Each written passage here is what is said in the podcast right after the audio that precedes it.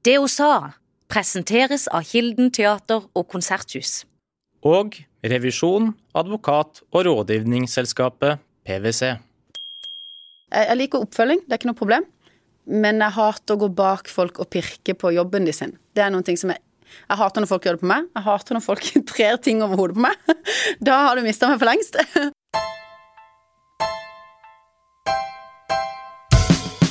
Hege Julianne Nevestad er 33 år og har allerede lang erfaring i hotellbransjen.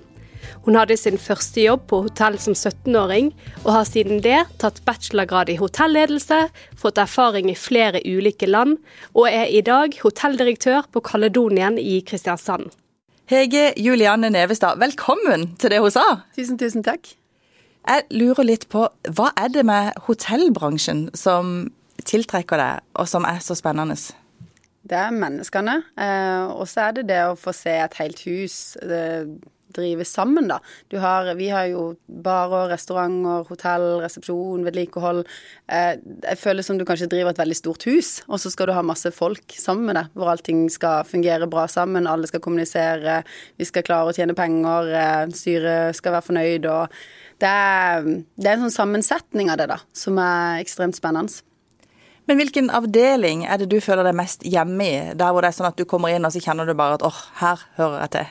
Jeg har flere avdelinger, og det var veldig obs på tidlig i karrieren min at jeg ville at jeg skulle være trygg på flere avdelinger for å kunne eh, følge opp avdelingslederen på en annen måte og hjelpe de å spare med det. Sånn at jeg har både restaurant og resepsjon er kanskje de to som jeg har hatt mest ansvar for gjennom alle mine år i hotell, da. Så begge de to har en sånn ekstra knapp på, men bar også har jeg jobba i tre år. Så ja, litt sånn overalt. Men når du står i resepsjonen, da, eller hvis du er innom resepsjonen mm. Jeg vet også du har lang erfaring fra andre hotell ja. der. Eh, hvordan er pulsen der på, på, en dag hvor det er mange gjester? Oh, det, er helt, det er kjempegøy. Og det er liksom full innsjekk, full utsjekk, ønske ønsk velkommen, hjelp med bagasje, ta telefonen. Altså det er liksom et sånn eh, Pulsen er høy, og du ser liksom at gjestene også ser at ok, dette her er gøy. Det er liksom Ja, vi kommer til et hotell hvor det skjer ting. Det er mange som sier det når de kommer inn i vår resepsjon, at det, det føles ikke som du er i Kristiansand. Litt sånn satt på spissen, fordi det er veldig mye som skjer da hos oss. Det er travelt, folk går opp og ned og frem og tilbake, og eh, du merker at eh, ja, det skjer ting på hotellet. Nå har jo du jobba ganske mange år i bransjen, men det er ikke så lang tid du har vært direktør? Nei, det er vel sånn offisielt tre år eh, på Kaledonien. Og så har jeg jo vært noe som heter hotel manager tidligere i utlandet. og det er i prinsipp det samme, men du får ikke den direktørtittelen.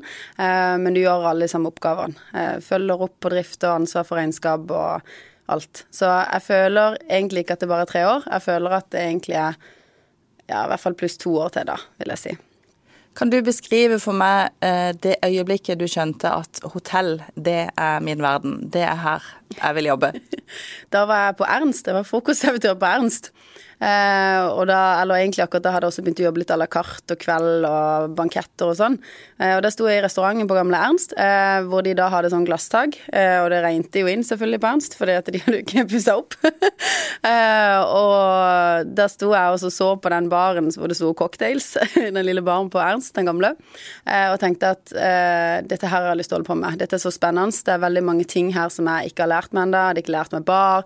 Jeg forsto ikke helt hvordan det hang sammen med restaurant, nei, med resepsjonen og rommene. Og, eh, og, så hadde vi en direktør der da, Øyvind Eikås, som var ekstremt sprudlende og til stede og eh, motiverende da å jobbe for. Um, så han var den som eh, satte en liten sånn piff i meg da på at eh, dette har jeg lyst til å gjøre. Og da søkte jeg på Hotellhøgskolen i Stavanger, eh, og flytta over dit etter hvert når jeg fikk plass. Eh, og da var det mange som faktisk kommenterte at eh, ja, men det får du ikke til, eller hvorfor skal du gjøre det, eller Du vet litt sånn, det var litt sånne ting. Men jeg har aldri egentlig brydd meg om det, så jeg har bare latt det fare og sagt at hvorfor ikke? Liksom, det kan jo Man kan jo ikke Hvis man ikke har prøvd, så kan man jo aldri klare det. Og nå har du jo faktisk fått en, eh, en formell bekreftelse på at du fikk det til. Mm. For det er ikke så veldig lenge siden du rett og slett ble kåra til årets unge leder på Sørlandet. Ja. Gratulerer med det. Tusen takk.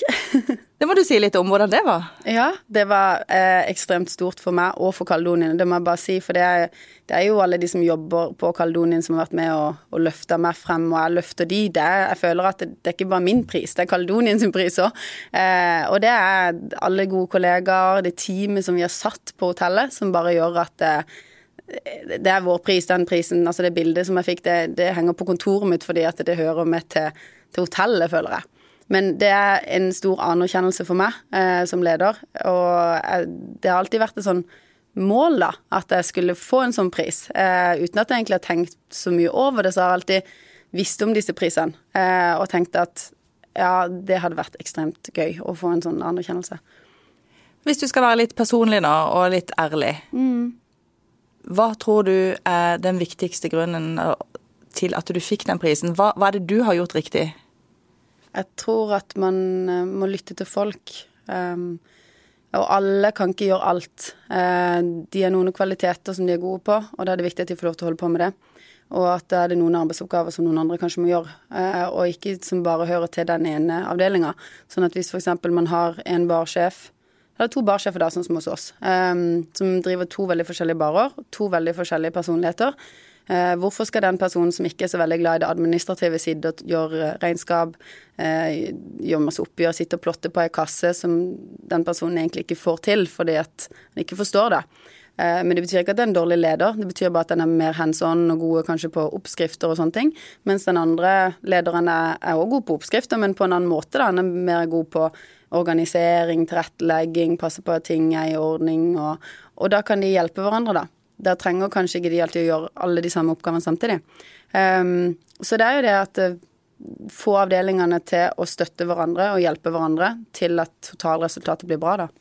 Men for å få det til, mm. for det du sier nå er jo egentlig at du um, vil gi ulike oppgaver mm. til folk basert på hva de trives med og, mm. og, er gode til. Men da må du jo kjenne de ganske godt, og du har jo en stor mm. stab. Ja. Hvordan klarer du å bli så godt kjent med de at du kan luke ut Eh, det de kanskje ikke er så gode på, gi mm. den oppgaven til andre. Hvordan jobber du for å få til det? Ja, Det tar jo tid. Du må jo lære å kjenne de, eh, og så må du liksom ha litt oppfølging med de tett. Eh, høre på hvorfor får vi ikke dette til, eller hvorfor går dette så bra. Har du lyst til å ha mer av dette? Er det noe jeg skal ta bort fra deg nå, for nå ser jeg at du strever der? Prøve å Altså, du må være til stede, da. Og være synlig, og synliggjøre om fordi at du ser hva de får til, og hva de ikke får til. Eh, og det tror jeg liksom er nøkkelen i veldig mye lederskap, da. At man, man klarer å se hvem man har rundt seg, og hvilke ressurser man har. Men i en hektisk hverdag, mm. og med mange avdelinger, ehm, Setter du av mye tid da, til sånn én-til-én-samtaler for å få dette til? Det blir ofte litt sånn, eh, men så blir det mye i det daglige òg. Ikke alltid bare booke møter. Men heller gå inn og så se det. Nå jobber de i kveld. Ok, gå inn etter trening f.eks. bare. Åssen går det? det? Blir det fullt i dag?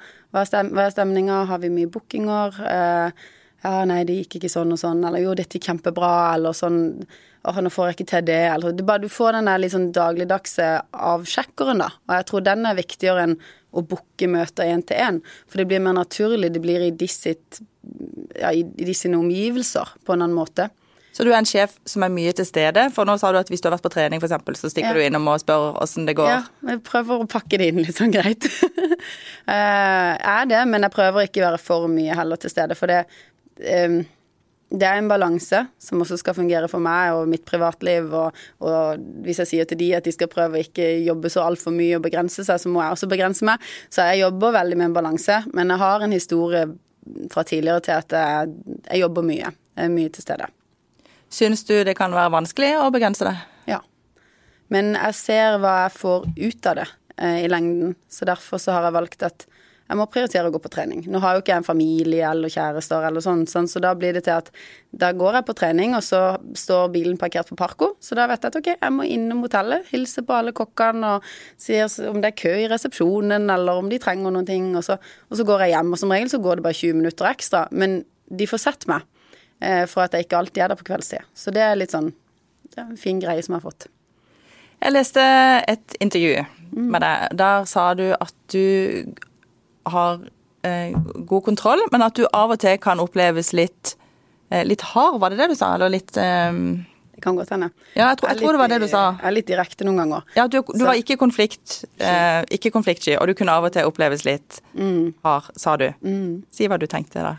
Eh, jeg sier alltid til alle de som skal begynne å jobbe nærme meg, at hvis ikke du tør å få en rak puck, eller ikke tør å få høre det, så kan du dessverre ikke jobbe hos meg. Eh, og det ikke handler ikke om at man liksom skal bli satt på plass eller sånne ting. Det er ikke det jeg er ute etter. Det er mer det at eh, hvis jeg ser at dette ikke fungerer, så gir jeg beskjed med en gang.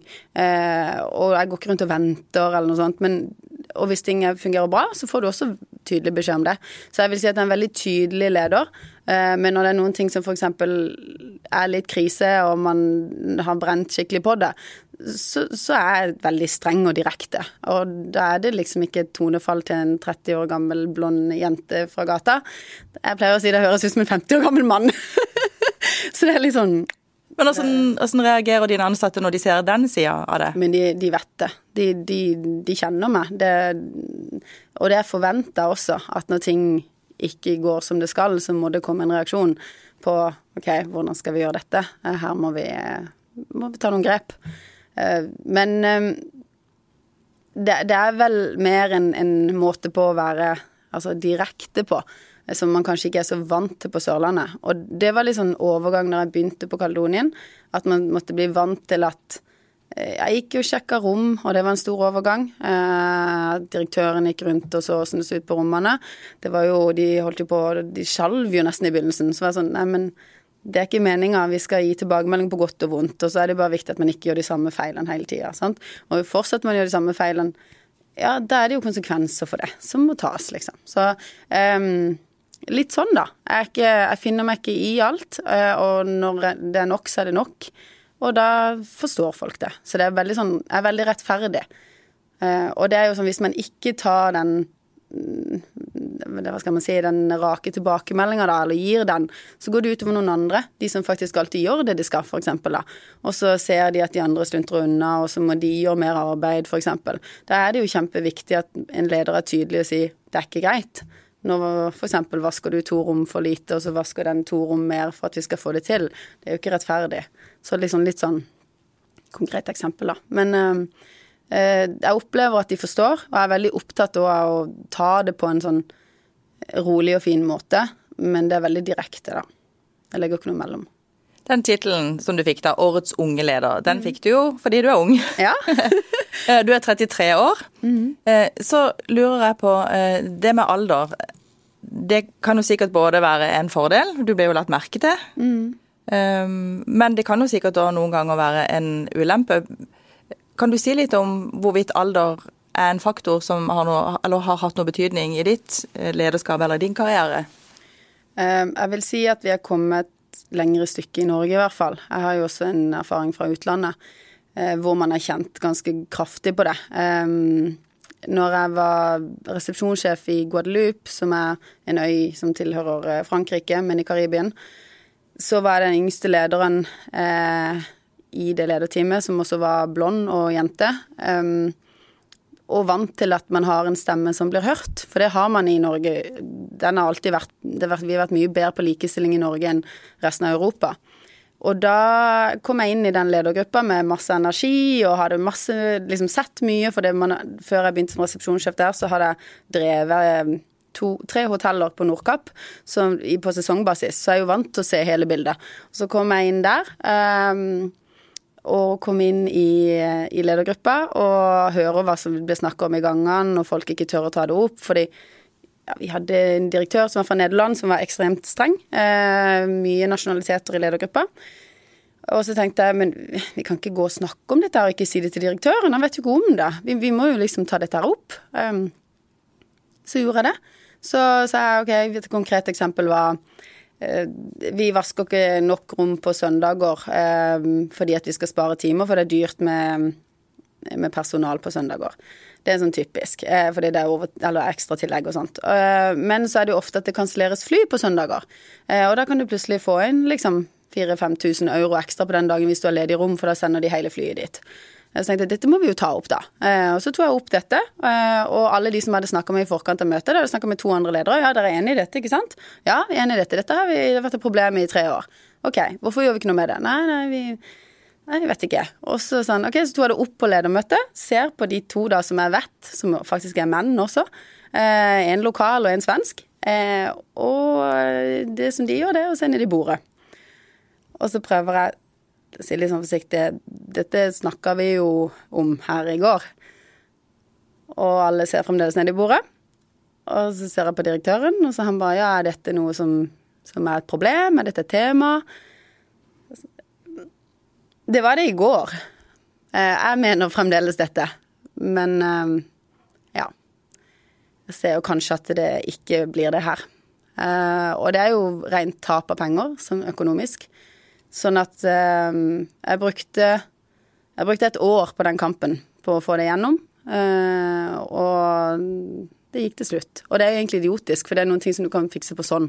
Det skal være en samtale der. Vi må vaske bitte grann mer rom den søndagen. Men hva lærte du av den runden? For du ble litt overraska når du ja. kom inn og de plutselig ikke spilte på lag mer? Absolutt. Ja. Eh, jeg lærte Jeg kjente veldig på den der med at eh, hvordan du ser ut, hvor gammel du er, hvilken erfaring du har. Eh, jeg hadde egentlig mye erfaring òg, men at egentlig hvordan man ser ut, da. Eh, avgjør om du blir hørt eller ikke. Og det var ganske tøft, for jeg hadde flere av de. Jeg stoppa jo ikke, jeg kjørte jo på. Sant. Eh, og så gikk det vel et halvt år, så fant jeg ut at må, nå må jeg gjøre noe annet. Nå får jeg kanskje heller gå direkte til direktøren, da, og pinsje inn litt. Grann. Så gjorde jeg det. Så gadd ikke han å gjøre så mye med det. Og så når jeg slutta, så tok han i grep. Alle de grepene som jeg ga til han der, da begynte han å ta de. Det, ja, ja. Men eh, du har vært i flere land? Ja. Det har... Um, du må jo kunne sies å ha en ganske sånn brei internasjonal erfaring, og det kan jo være det var noe av det som gjorde deg spesielt attraktiv til stillingen i, mm. i Kristiansand. Kan ikke du si litt om hvilke steder du har vært og jobba? Ja, jeg har jo jobba eh, først i Guadeloupe, hvor jeg var i to år. Eh, som var den første sånn sjokket. eh, og så dro jeg for å hjelpe Jeg jobba for det som heter Langley Travel da, på den tida. Eh, så da dro jeg til Korsika for å hjelpe de i å fullføre en sesong, for det gikk ikke helt sånn som de ville. Og Korsika er nok en av de vanskeligere destinasjonene å drive hotell på. Man snakker kanskje ikke så mye om det, men det er jo mye mafiavirksomhet. det fikk jeg kjenne på kroppen. vi, vi hadde en bil som vi brukte og da kjørte vi folk altså Det var en sånn minibuss da, som alle kan kjøre på vanlig førerkort. Eh, og kjørte f.eks. til en, eh, et vannfall eller til en strand, eller ta de Når ikke vi hadde så store grupper, da, ikke trengte å booke store busser. Og da var det jo selvfølgelig Bastia-mafiaen syntes jo ikke dette var så veldig gøy, da, de som er i nord. Eh, så det, jeg, den dagen jeg landa faktisk og skulle komme og hjelpe til, så var det han ene fra Activity skulle komme og hente meg. Eh, da stoppa plutselig minibussen å fungere. Vi forsto ingenting. Eh, ok, da får vi jo ta en leiebil og komme og hente oss. Og så tenkte vi ok, vi må jo nødt til å prøve å finne ut av hva dette her er, da. Og så fikk vi den på verksted, den ble aldri fiksa. Fordi den bilen kom selvfølgelig på et verksted som er kontrollert av Bastia-mafiaen. Eh, og den bilen ble stående der til etter at jeg dro. Den, vi fikk ikke det. det vi, til slutt så endte det med at vi måtte hente ut minibussen og eh, shippe den hjem til Sverige for å fikse den i Sverige. Det var regler på det. Og da var det noen som hadde helt vann i bensinen. Så litt sånn annerledes måte å drive hotell på. litt annerledes type problemer? Ja, ja. vi hadde mye. Det, det var ingen av disse guttesvenske... måtte passe på de svenske guttene så ikke de, de gikk på disse korsikanske jentene, for det kunne bli ganske hett noen ganger. Og det er jo mye ungdommer som jobber sesong, så du må liksom passe litt på det. Så litt andre ting å ta hensyn til eh, enn kanskje bare akkurat ren hotelldrift, da. Men mye ansvar for en relativt fersk, ung ja. sjef. Mm, det, det var det. Korsika, og så har du vært på Kreta. Ja, det har jeg også vært. Eh, det var veldig, veldig gøy. Jeg trivdes veldig, veldig godt der de er jo en helt annen type, eh, si, type mennesker enn f.eks. korsikanere. Men det finnes jo selvfølgelig mafia der også oppe i fjellet. Jeg bare kjører litt opp, så ser du at det er litt sånn skudd på disse skiltene. sånne Rifleskudd. Men uh, der har, de har jo sine utfordringer, og det er jo dessverre ikke alt som er like stuerent, da. Eh, f.eks. I, i Hellas, da. På enkelte ting. Så mm, vanskelig å få hotellet kanskje til å drive stuerenta, eh, hvor man kanskje har eh, Gjør et litt annet forhold til myndighetene? Ja, mm. ikke minst. Så um, litt utfordringer på det, men uh, veldig gøy å være der nede. Vi hadde selvfølgelig mye svenske turister der også, så um, ja, det var, det var veldig gøy. Jeg hadde en fin sesong der også. Så, og så dro jeg til Val Thorans etterpå, og var i Alpene to sesonger. Um, og det var kjempegøy. Det, er en sånn plass som jeg reiser tilbake til hver vinter nå, fordi det er ekstremt fint der. Uh, veldig sånn sesongmiljø, da. Uh, men de har jo også sine ting som utfordringer der òg. Men uh, det som var min første sesong der, så fikk vi tolv meter med snø. Og da litt sånn snakk om å håndtere ting utenom akkurat det som skjer innenfor huset, da. Så plutselig så får du liksom to meter med snø på, på terrassen, og det må jo skuffes for at gjestene skal komme inn. Så det er litt sånn ja, litt andre ting da som man må ta tak i der også. Men når du er på reise nå, mm. nå bor du i Kristiansand. Mm. Eh, men du reiser sikkert utenlands av og til, selv om ikke det er jobb. Ja. Eh, klarer du å Eller når du kommer inn på hotell, klarer du å bare være der og bare slappe av? Eller kjenner du liksom at du klør litt i fingrene etter å gå hen liksom, og, rydde litt på et bord, eller stramme opp i resepsjonen litt, eller? Uh, de tingene som Jeg er veldig god på å ikke legge meg opp i liksom, personal og sånne ting når jeg er på tur. Jeg, jeg ser og observerer og ja, noterer for meg sjøl ting, da.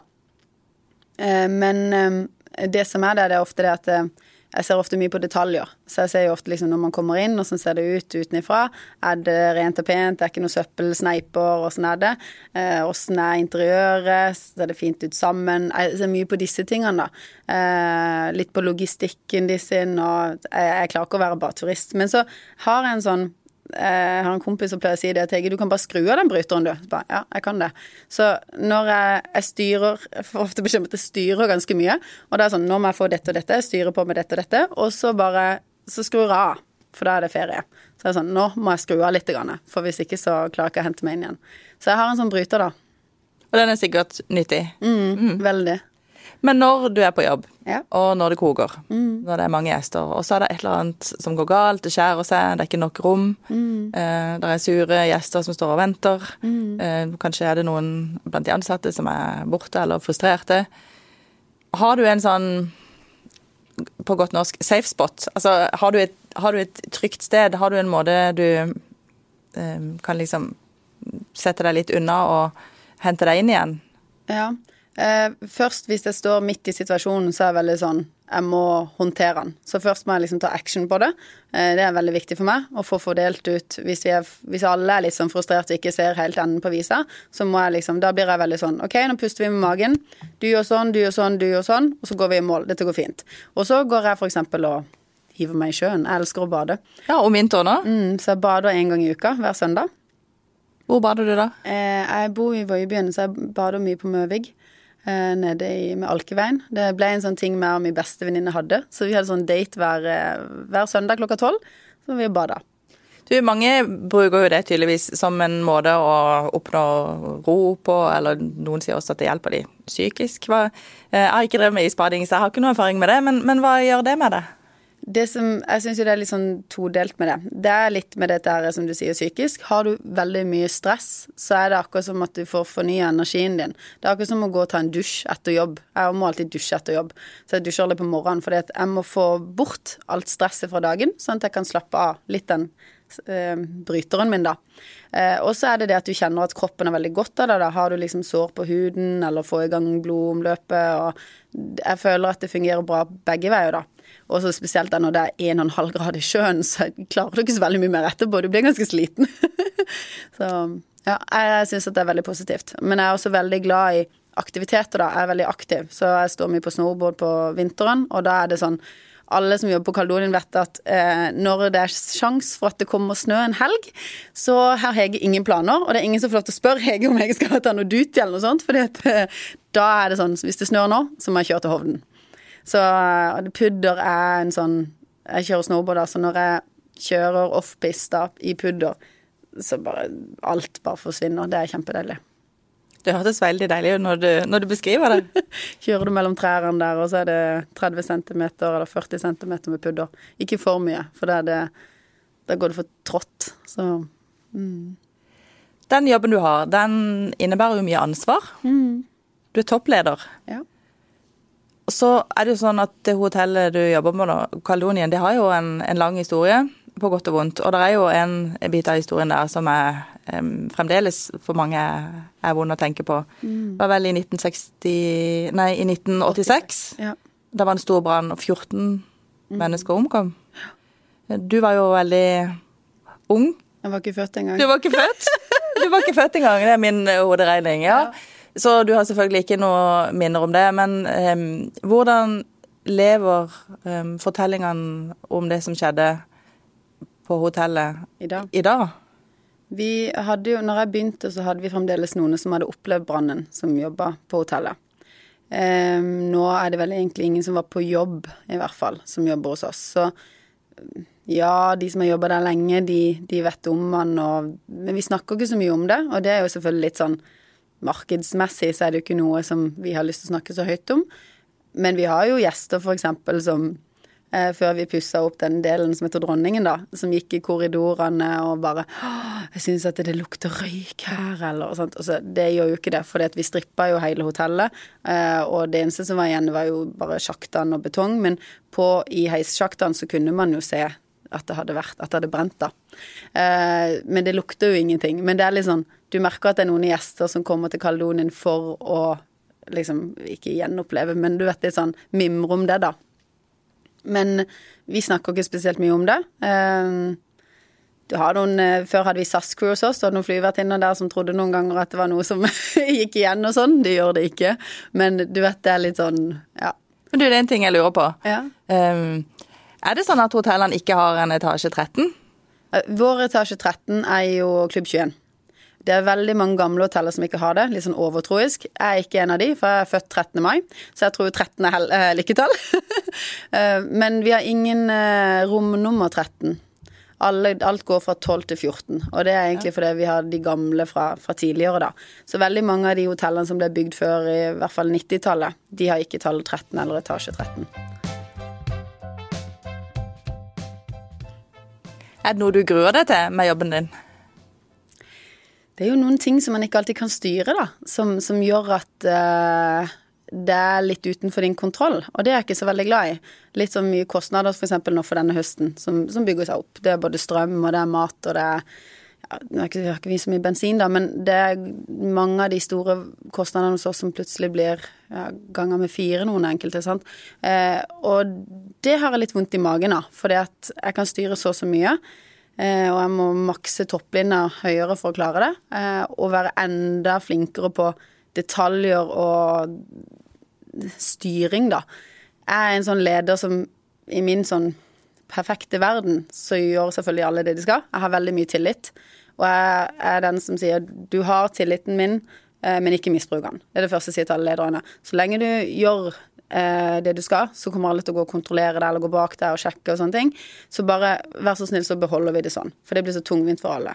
Så jeg er veldig sånn opptatt av at det skal være mye tillit mellom oss. Og så sier jeg ifra at hvis det ikke funker, så må jeg gå og gjøre det. Eh, og det gjør jeg jo også noen ganger. Men akkurat Jeg liker oppfølging, det er ikke noe problem. Men jeg hater å gå bak folk og pirke på jobben de sin. Det er noen ting som jeg jeg hater når folk gjør det på meg. Jeg hater når folk trer ting over hodet på meg. Da har du mista meg for lengst. Eh, så litt sånne ting, da. Det, men eh, nå skal jeg pirke litt mer fremover for at vi skal klare å komme i, i havn, da. For det blir en tøff høst for oss. Men, ja, det blir, en, det blir, en, tøff høst, og det er tøft for mange nå. Men eh, selv om de her tingene Jeg ba deg om å snakke om det som var, som var vanskelig, så ser jeg på deg at du er engasjert, så det virker jo som du syns det er gøy. Og trigges du av de der utfordringene? Jeg gjør jo det. Altså, Gir du meg en utfordring, så først så orker jeg litt, grann, og så er det sånn OK, ja, men jeg fatter jo dette, så må vi jo liksom bare Hvis man ikke blir engasjert av utfordringer, så er det jo vanskelig å drive business, da. Så jeg gjør jo det. Jeg håper jo vi klarer det. Men eh, selvfølgelig får man litt sånn Ja, det, det er en utfordring. Det, det blir bra. Gjennom de årene du har jobba, så har du jo fått til mye, og vi har snakka om en del av det nå. Jeg er litt nysgjerrig på hva du ikke har fått til? Eller har du gjort noen tabber, eller har du gjort noe som du i ettertid har tenkt at åh, søren, det der skulle jeg ha løst på en annen måte, eller dette er jeg litt flau over? Eh, det er jo mange ting opp igjennom eh, karrieren, og jeg begynte jo som veldig ung leder. Jeg var jo 23 år første gang jeg ble leder. Eh, sånn at det der man tror at man liksom skal fikse alt sjøl og sånn, det må man bare kvitte seg med ganske raskt. Eh, og spesielt da i ung alder, tenker at man, man klarer å gjøre alt sjøl hele tida og styre alt, trenger ingen. Altså litt sånn sånn type lederskap er jo aldri noe, noe, bra, da. Og da er det viktig at man liksom finner ut av det ganske tidlig og klarer heller å få med seg folkene og spille folk gode, da. Eh, så jeg har jo gjort mye, mange sånne raringer og tenkt at eh, jeg har loven på min side, og alt er sort-hvitt, og jeg hadde en sånn case en gang på Nordkapp. Eh, hvor jeg egentlig hadde Ja, en av de som, som jobba der, da hadde lånt noe penger i kassa, da. Det var jo ikke så stas. Eh, og det, det, det, lå jo en lapp der og alt mulig, men det var litt for ofte, så det er ikke greit liksom å låne penger i kassa. Det er ikke noe, er ikke noe vi holder på med. Og da var Istedenfor heller bare en litt sånn mykere tilnærming til det, bare si slutt, eller vet litt sånn Ta det litt mer kanskje sånn Ikke gjøre en stor greie ut av det, da, men bare si nå er det nok, liksom. Eh, så ble det en stor greie ut av det, eh, istedenfor at jeg for da skulle jeg være sånn Jeg har loven på min side. Du vet, litt sånn ung leder og bare 'Dette har jeg rett i', og 'Hvorfor skal vi ikke bare Litt sånn. Eh, jeg har lært meg bare at selv om det er litt sånn gråsoner, så er det bare lurere å heller være hakket mer ydmyk selv om man vet at man har rett. Eh, og for man kommer så mye lenger med den som sitter på andre sida. De forstår at ja, OK, det, det, var feil, jeg skulle ikke gjort det. Ja, det var... Så egentlig handler det litt om å være smidig som leder? Mm, ja. Hvis jeg forstår det rett? Mm, ja. det gjør egentlig Så du har blitt mer smidig med, ja. med årene? Jeg har det. Mm. Så, jo, det er altså, mange tabber man gjør hele tida. Min eh, sjef da, Terje Ropstad pleier å si det at du dødser jo alltid, Hege. Og det er jo det jeg holder på med hele tida. Jeg tenker ja ja, sånn som Pippi, hvis man ikke har prøvd det, så får man det sikkert til. Det kan ikke gå så galt, kan det? Så ja, jeg kom ikke akkurat på sånn veldig mange sånn flere eksempler, men jeg har, jeg har nok mange ting som, som jeg sitter igjen med etterpå og tenkte på at det der Hege, kunne du gjort litt annerledes, eller du hadde ikke trengt å sagt det, eller for jeg er litt jeg, veldig, har lite filter, og hvis du treffer meg en dag hvor jeg er ganske sliten, jeg har sovet dårlig og ikke spist, så nå har jeg lært meg at jeg må si, jeg må si nå må ikke, Akkurat nå så må jeg bare få litt mat, så kan du drøye det en halvtime. Så skal vi ta og se på det. Men før så kunne jeg bare heller si nei, det blir ikke noe, du får ikke det. Nei, nei. Litt sånn bestemt, da. Eh, sånn at, og så har jeg gått og tenkt på dette. På sånn, det var jo egentlig ganske smart det de kom ned der. Da var det bare litt sånn Jeg hadde ikke gjort nok i forkant for at jeg skulle være fullverdig på jobb, da. Så man lærer seg å kjenne på en bedre måte, da. Uh, og så kan den andre på, mottakeren på andre sida oppleve det som veldig sånn Å, nå tør jeg ikke å komme og spørre Hege om noe, liksom. Litt sånn. Og det vil jo ikke jeg, sånn vil jo ikke jeg ha det heller. Så da prøver jeg at uh, ja, Gå, hvis jeg har hatt sånne, da gå tilbake og sier ja, unnskyld, eller det var ikke meninga, jeg hadde ikke spist jeg sovet dårlig, eller uh, Jeg er veldig åpen, så jeg er liksom ikke så redd for å fortelle hvis det er noe på hjemmebane som ikke fungerer, eller hvis man har noen i familien som akkurat er dødd, eller eh, noe sånt, da, så er jeg veldig åpen rundt det for at jeg trenger forståelsen noen ganger for at når de ikke alltid skal masse meg ned, fordi da kan man bli litt sånn eh, på tuppa, eller du vet litt sånn, ta noen dårlige avgjørelser.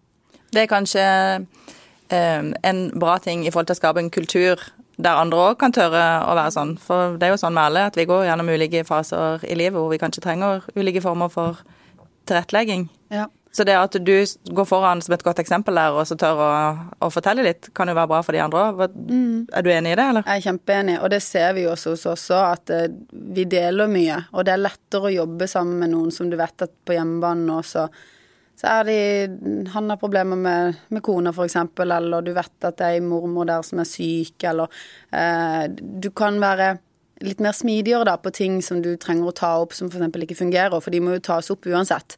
Men man trenger ikke å kanskje eh, Ja, man setter seg heller ned der og tar en kaffe og spør litt åssen det går først, og så kan man heller liksom kanskje ta, ta det litt eh, rolig.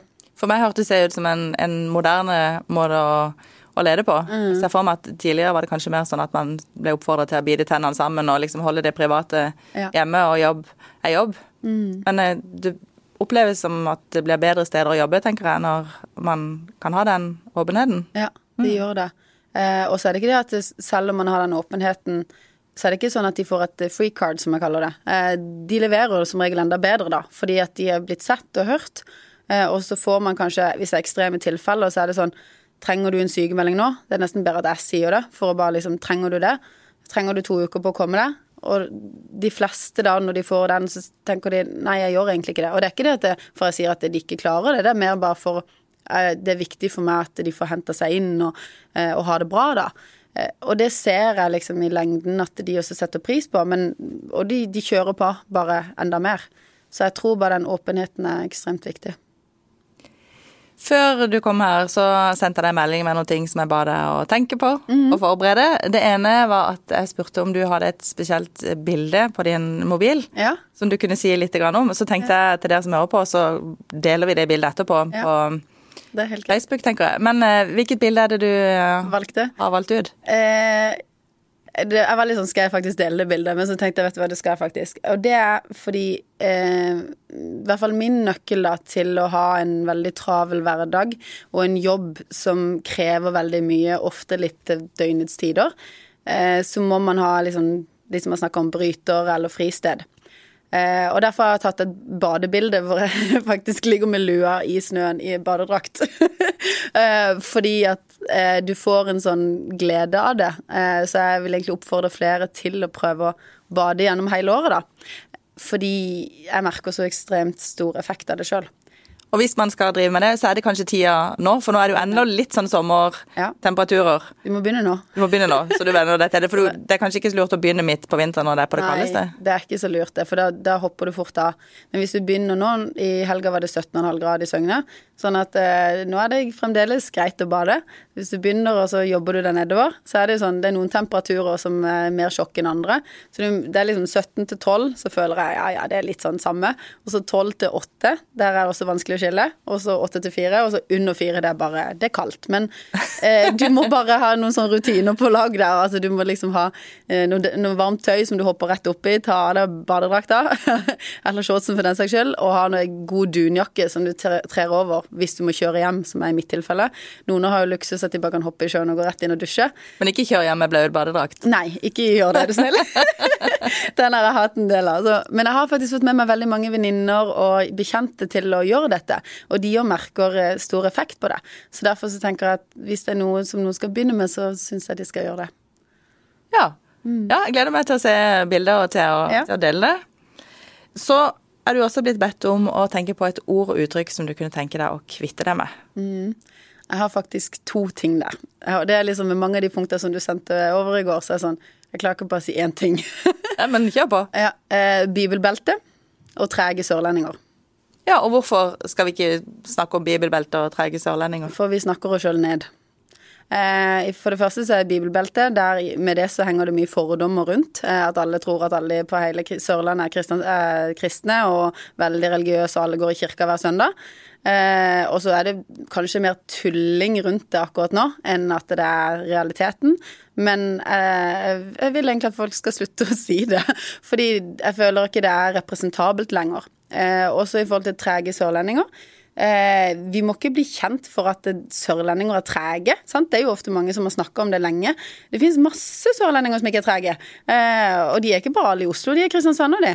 Men hvis vi snakker om trege sørlendinger, eh, så tenker man jo at det ok, nei, den sørlendingen, den Nei, de er jo litt sånn, de har litt ekstra god tid, de der sørlendingene, vet du. Sant? Så jeg tror ikke de får gjort noen ting. Det er veldig bedagelig eller sånn. Så det er ikke realiteten. Så jeg vil ikke ha det uttrykket.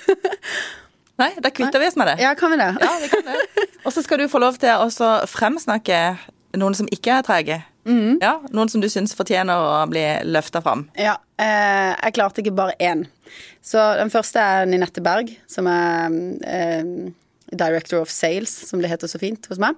Eh, hun er ei dame som hun har stått gjennom pandemien sammen med meg. Eh, du tenker at de på salg de kan ingenting på drift. Eh, hun kan masse på drift. Hun kan eh, restaurant, bar, kurs og konferanse. Hun har rigga sammen med meg. Vi har stått i frokosten og skikkelig stått i driten med meg, for å si det ikke så veldig fint. men hun har en sånn evne til å alltid se liksom, lyset i tunnelen. Hun ser framover, hvor er det vi skal. Hun er kjempegod på å sette målsetninger, for, både for seg selv og de rundt seg. Og stiller egentlig sånn krav til folk rundt seg uten at det er blitt bedt om det. Og det gjør at utover sin egen avdeling, da, så påvirker hun på en veldig positiv måte. Det var Ninette Berg. Ninette Berg, ja. Og så har jeg eh, ei som heter eh, Silje Marie Aas, som er husøkonom hos meg.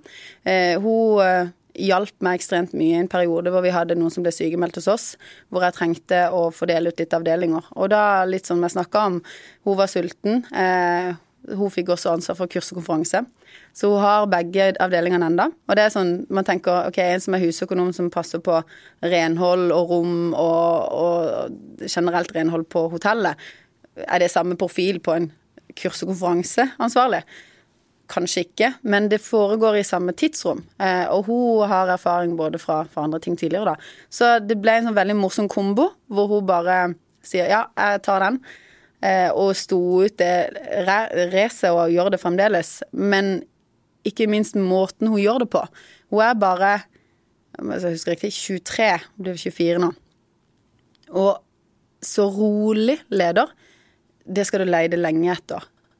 Og så har jeg ei til som heter Nancy, som er frokost- og eh, Nancy Moland, jeg tror. Frokost- og lunsjansvarlig. Eh, hun, er, eh, hun er pirken vår, som vi kaller henne. Hun eh, ser alle detaljer, ser alle blomster, ser alle Der var det ikke rent, og sånn var det ikke der, og vi må se på den veggen, og du huska det, og, så smiler hun hele tida. Uansett hva som skjer hjemme, eller liksom privat, eller om det er en vanskelig situasjon på jobb. Og jeg vet at det, veldig mange gjør det, men hun gjør det uansett eh, hva som liksom skjer. Og det er bare Det smitter så ekstremt mye. Eh, og eh, jeg vet noen ganger at man har liksom vanskelige situasjoner overalt. Og da når hun bare kommer på jobb og bare leverer og leverer og leverer, det er så sykt motiverende å se på. Så eh, ja. Tre veldig, veldig gode damer. Og så har jeg én kommentar til, og det er bare ikke på, på de, men eh, min mormor døde for um, Eh, nå er til jul er det to år siden. Eh, og hun fødte syv barn, eh, så vi er en veldig stor familie på den sida.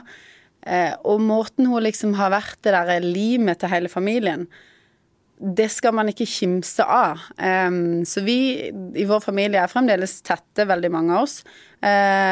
men vi må liksom ikke undervurdere både mor, altså mødre og bestemødre og mormor og alle disse det er de som gjør at vi har disse connectionene i familien veldig mye. For de tilrettelegger, står og lager mat. Har du mett? Har du fått spist i dag? Nei da, de kan være hos meg. Alle barnebarna kommer. Vi er ti barnebarn, det er ikke noe stress. Ja, vi går ut og tar Ja, ja, kos dere. Og hun bare ordner. Eh, eller har alltid ordna, da. Det er mange gode besteforeldre som står bak en del karrierer òg, vil jeg tro. Det gjør det. Ja. Så um, hun har eh, alltid vært sånn forbilde. Og bare sånn du vet sånn stayer som bare går på uansett. Hun sydde klær på nattestid til alle ungene sine, fordi at eh, ja, det var ikke så god råd på den tida. Gikk på Geheb og tok noen skift der når ungene var på skolen. Kommer hjem, middagen står klar. Altså til syv unger og en mann. Og det, det er liksom at, at, man bare Når sover du? Tenker jeg bare. du må si navnet til mormor ja, di. Ja, eh, Sigrid Larsen heter mormor. Da fikk hun en fremsnakk hun også. Hun gjorde det. Ja. Det var veldig fint.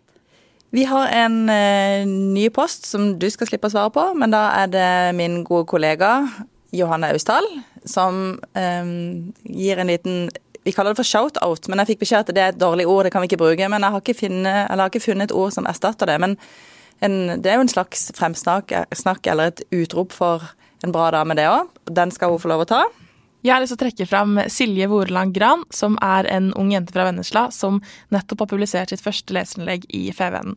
Og eh, hun har skrevet en masteroppgave om nettopp det å være jente eh, fra Vennesla og, og, ville ytre seg. Og om litt som redselen for å bli hengt ut i sosiale medier, og litt om hvordan eh, jenter der kan bidra med små ting. Kanskje ikke de tør å si fra eh, sånn én til én, men at de, at de heller liksom velger å ikke le, eller ja. Hun har mange gode tanker og refleksjoner om det å, å ytre seg, da. Og mm, ja, jeg har lyst til å trekke frem henne som eh, som et godt eksempel. Det er alltid gøy å få med nye i debatten, og kjempegøy at det er en ung jente fra Vennesla. og så Hege Juliane Nevestad, tusen takk for at du ville komme til det hun sa. Tusen takk for at jeg fikk komme. Som sagt så ser jeg veldig opp til denne podkasten og ble veldig veldig glad når du eh, ringte i går. Så det Ja, jeg syns at dere må fortsette med det bra arbeidet som dere gjør, og de flinke folkene dere har henta inn eh, og snakka med. Det har vært eh, utrolig inspirerende for meg. Tusen takk for gode ord, og til alle dere som hører på. Jeg håper dere vil gå inn på Facebook og bli medlem av det hun sa. Der kan alle bli medlem, både menn og kvinner. Um, vi har også en Instagram-konto der vi deler små eh, snutter fra vår både innspillinger og backstage, hvis vi kan kalle det det. Men eh, bli med oss videre, og inviter gjerne inn andre også.